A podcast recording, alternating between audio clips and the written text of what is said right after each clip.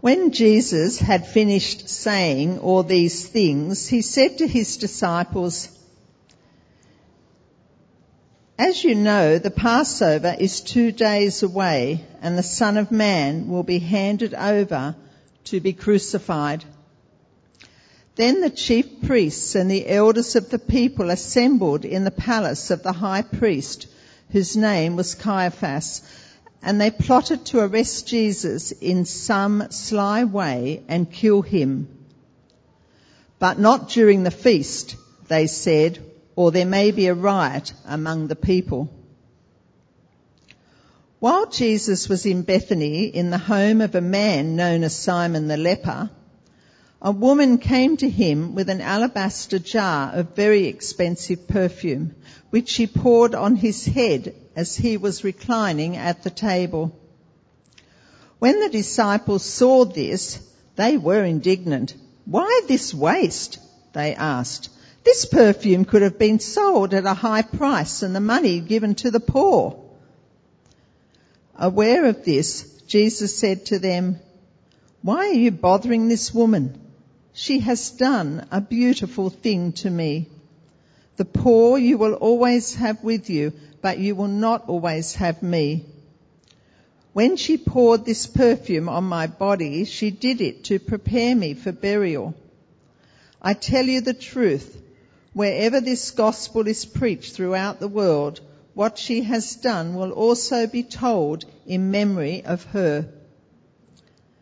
Then one of the twelve, the one called Judas Iscariot, went to the chief priests and asked, what are you willing to give me if I hand him over to you? So they counted out for him 30 silver coins. From then on, Judas watched for an opportunity to hand him over. Let's pray. Uh, Father, I ask that you, you teach us now and show us uh, more of you uh, and what it means for us to, to follow you and worship you, uh, to give ourselves to you. In Jesus' name, Amen. Well, in the busyness of life, uh, with everything that is going on, uh, what does it look like to be devoted to something? I heard, I saw two stories this week, one of a man and the other of a woman. So firstly, the woman, uh, let, us call her uh, the cat lady. Uh, she she owns over 40 cats. So her life, her home, it's all about cats. She lives for cats. She smells of cat. Her it's all cats, cats, cats, cats.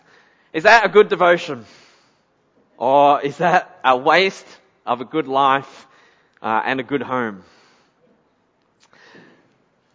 And then, hmm?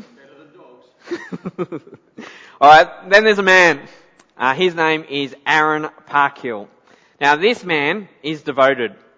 Uh, he, he designed and built uh, this, this amazing French uh, chateau for his family uh, for a little $20 million. Uh, it's in Geelong, not France, but it is basically a, a mini uh, Versailles.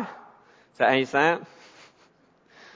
Um, it took him 11 years to design this. He designed it himself. He built it himself. 11 years. It looks amazing, but there's no one living in it. It's empty. His family, they did move in. They started living in it, but then they moved out. They said, we just want to live in a normal home. Is that a good devotion of 11 years of your life and $20 million? Or is that a waste? he could fit a lot more than 40 in this place. Well, devotion. Uh, giving yourself to a cause. Uh, we're going to spend a little bit of time this morning thinking about that. Uh, devotion. There's plenty of uh, devoted people uh, the last uh, couple of nights uh, taking on Sydney's traffic to, to be in a, in a stadium and uh, listen to a, a certain uh, singer. What we're going to look at though is what it means to be devoted uh, to Jesus.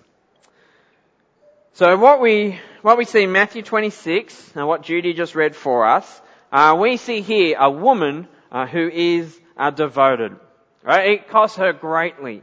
A very expensive uh, perfume that is poured uh, on his head. Uh, it's possible that this perfume was everything that she had. it may have been worth a year's wage.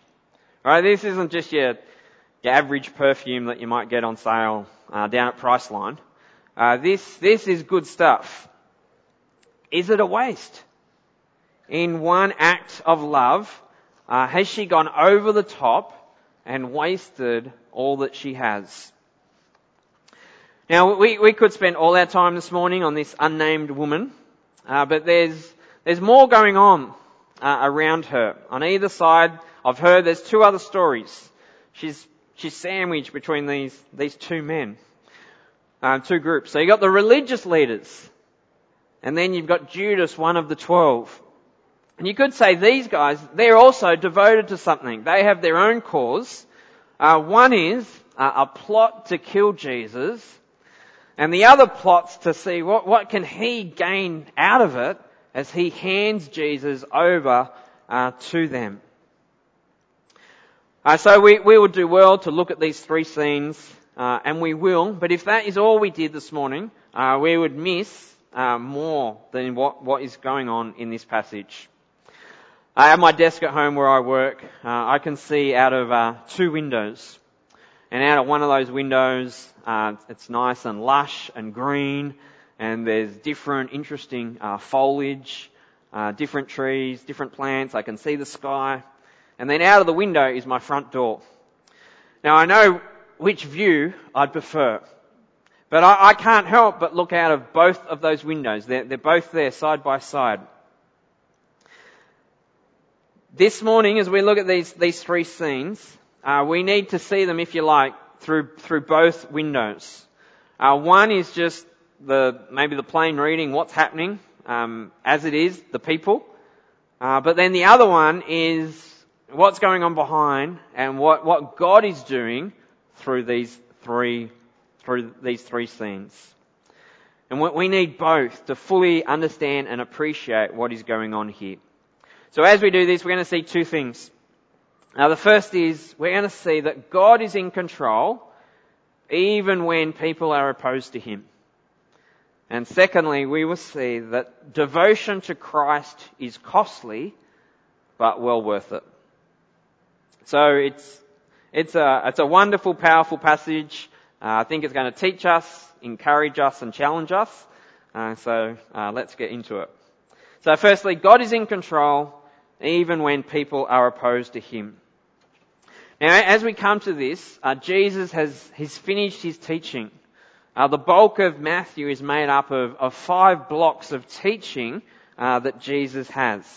So the last three weeks, uh, we've been in the, the, very last bit of the fifth block, which has been all about uh, the coming, of the return of Jesus, uh, and the judgment that is then going to follow. But now uh, he announces to his disciples, uh, chapter 26, verse 1, uh, when Jesus had finished saying all these things, he said to his disciples, As you know, the Passover is only two days away, and the Son of Man will be handed over to be crucified. Now he, has been telling them this um, right throughout the gospel, and now two days away he says he's going to be crucified. The Passover uh, is that all important uh, Jewish festival. Uh, it looked back uh, to how God had rescued them uh, out of slavery in Egypt, but it was also a signpost that looked forward uh, to another great rescue that God would do. Jesus says here that the Son of Man, a way of referring to himself, He's going to be handed over and crucified at Passover. Right? That is no coincidence that this is going to happen at the time of Passover. This is God's plan. We keep reading. We have a look at verses 3 to 5. There we see that the religious leaders, and they think they're in control. But they're not. God is. Jesus will be handed over at Passover. That is God's plan. The crucifixion is not a tragedy. It is part of God's plan. His plan to, to rescue uh, people out of the slavery of sin and His plan to reconcile people uh, back to Himself. So the chief priests, the elders, uh, the high priest, they meet and they scheme and they, they plot how are they going to arrest Jesus and have him killed. And what do they say? Verse 5, but not at Passover. They don't want it to happen during the feast because there might be a riot. As they make their plans, they think they're in control, but no, God is. It is at Passover that Jesus will be handed over. Enter Judas. So we, we skip the woman for now, we'll come back to her. Uh, but come down to verse 14. Judas enters the scene. Then one of the twelve, the one called Judas Iscariot, went to the chief priests and asked, What are you willing to give me if I hand him over to you? So they counted out for him 30 silver coins. From then on, Judas watched for an opportunity to hand him over. So Judas thinks, uh, this is a great idea. Uh, I can make a, a, bit of money out of this uh, if, if I hand Jesus over to them. So here we have the religious leaders. They want Jesus killed. We got Judas thinking, yeah, I'm going to be the one, I'm going to hand Jesus over. But right from the outset, we see here that this is God's plan that Jesus be crucified. All these people, they act independently. They do their own thing. They're opposed to God, but God is in control. And if we, if we have a look at, at Acts, Acts chapter 2, uh, we can see this. Who is the one who hands Jesus over? So this comes in, in Peter's speech at Pentecost. He says, um, this is halfway through. Fellow Israelites, listen to this. Jesus of Nazareth was a man credited by God to you by miracles, wonders and signs which God did among you through him as yourselves know. This man was handed over to you by God's deliberate plan and foreknowledge. And you, with the help of wicked men, put him to death by nailing him to the cross, but God raised him from the dead. So ultimately, it is the Father who hands his son over. Now in all this, the religious leaders, what, what's their cause? Well, they want Jesus removed from the world.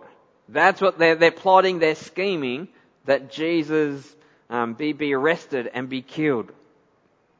Now, Jesus being removed from the world, does that sound familiar uh, still uh, today?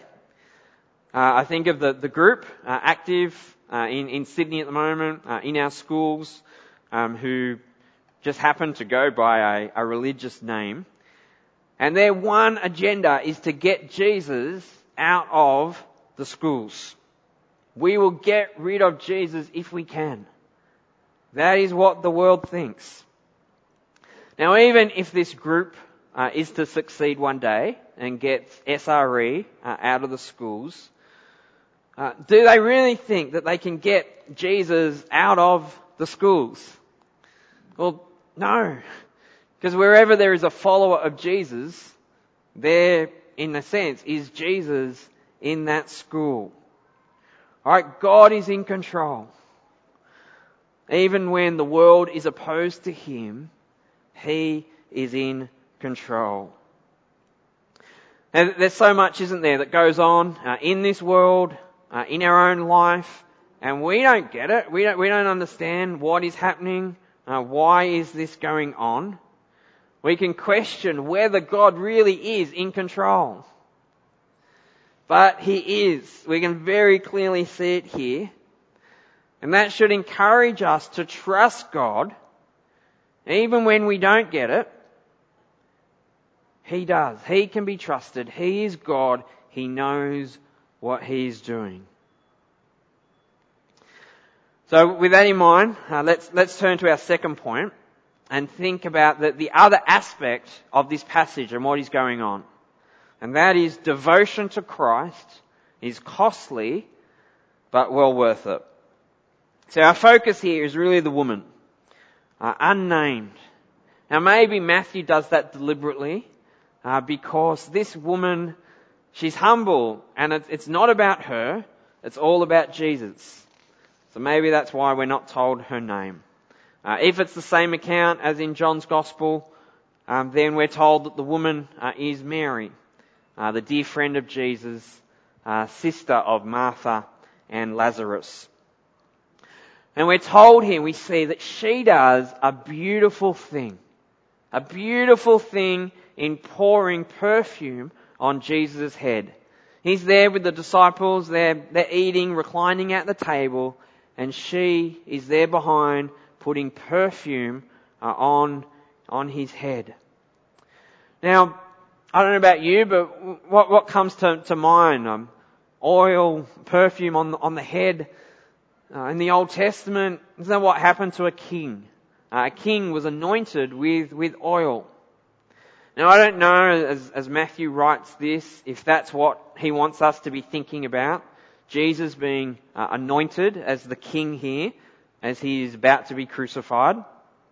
Or if Mary, if the woman has worked out that Jesus is the king. Maybe she just does it in, in devotion uh, of Jesus. Uh, and, and remember, what did Jesus do to Lazarus? Uh, raising him, giving him new life. Maybe she has worked it out where the disciples are a little bit slow uh, she, maybe she recognizes who Jesus is, that he is the Messiah, he is the Christ, he is the King of Kings. And so it is right for her uh, to do this act um, by putting this perfume on Jesus' head. The disciples, though, they're not thinking it's a beautiful thing. They go, why this waste? What, what, what are you doing this for? Her act of love, it's not approved by the disciples. Uh, they think it could have been used for something uh, much, much better. Using the money for, for the poor, uh, which is a good thing. But if she's acknowledging that, that Jesus is the King, then there is nothing better than that. Recognizing who Jesus is and responding to, to Him. So she, she gives greatly. She gives at great cost because she has been given greatly at great cost. She, she has received and now she gives. She's been given much uh, knowledge of who Jesus is. So what, whatever she gives, how can it be too much? How can be giving to Jesus be too much? It's, it's not a waste. Jesus doesn't think it's, it's too much. He doesn't say it's a waste. Uh, he happily receives what she does for him. And he says that she has done a beautiful thing. Devotion to Christ is costly, but well worth it. She, she's here, she expresses her love, uh, her appreciation uh, to the one who is about to go to the cross and be crucified. Uh, she prepares Jesus' body for burial. Uh, whether she knows that or not, uh, that, that is what's happening. That, that is what Jesus says. Have a look, verse 11. Jesus says to the disciples at this point, uh, the poor you will always have with you, but you will not always have me. When she poured this perfume on my body, she did it to prepare for my burial someone who is crucified, a criminal, uh, would not have their, their body uh, anointed. And verse 13, Jesus says, I tell you the truth, wherever this gospel is preached throughout the world, what she has done will also be told in memory of her. See, this one act that she does, Uh, it's now recorded for us in the scriptures. Millions of millions of people have come to, to hear of her and what she does. Uh, she's been a, a blessing to many in what she's done for Jesus. So a waste? Well, it's not a waste at all, is it? Judas, very next verses, now that is a waste. Judas, what he does, living for the moment, a quick gain, uh, 30 silver coins is, is, not, not seen as much. Um, it picks up from um, Zechariah. Then he, then he loses it all. Devotion to Christ is costly, but well worth it. So I wonder as we uh, look at this woman, uh, in what ways you might be uh, encouraged by her for your own faith uh, or challenged in what it means for you uh, to give of yourself. Having received much from God, she gives much. Now, knowing who Jesus is, being devoted to Him is not a waste. She is able to, to delight in giving something which is valuable, uh, worth a year's wage, and she's very happy because of who Jesus is uh, to give that. Why? Why, why would she do this? Well, could it be that Jesus' love of her drives her love for him? I think this, I think this is a challenge for us, uh, that we have received so much from God. Uh, not only uh, His amazing grace, uh, forgiveness of sin, uh, but materially, we, we, about every single one of us here are so blessed materially. How, how do we give to Him? Uh, what are our acts of love, of, of, appreciation? How do we express that uh, with our life?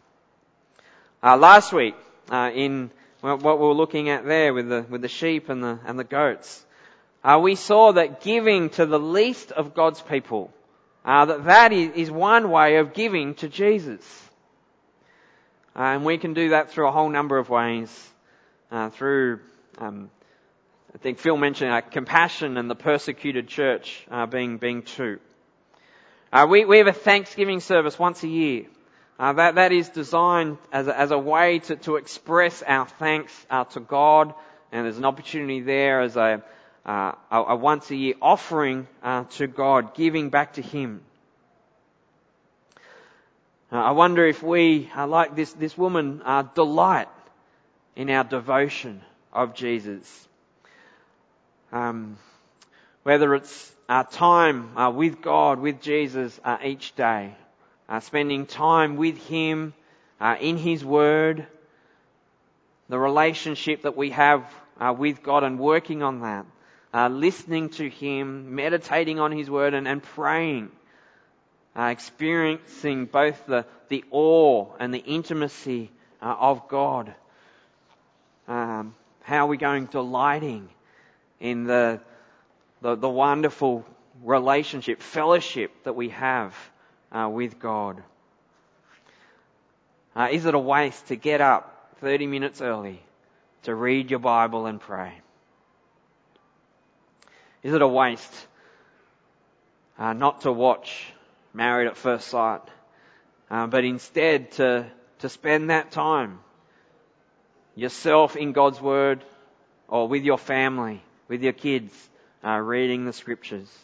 I don't know what it is that you watch, but delighting in God's Word or, or visiting someone, making that phone call to someone who is in need uh, out of love for Christ uh, tithing, uh, giving to God's work here and abroad.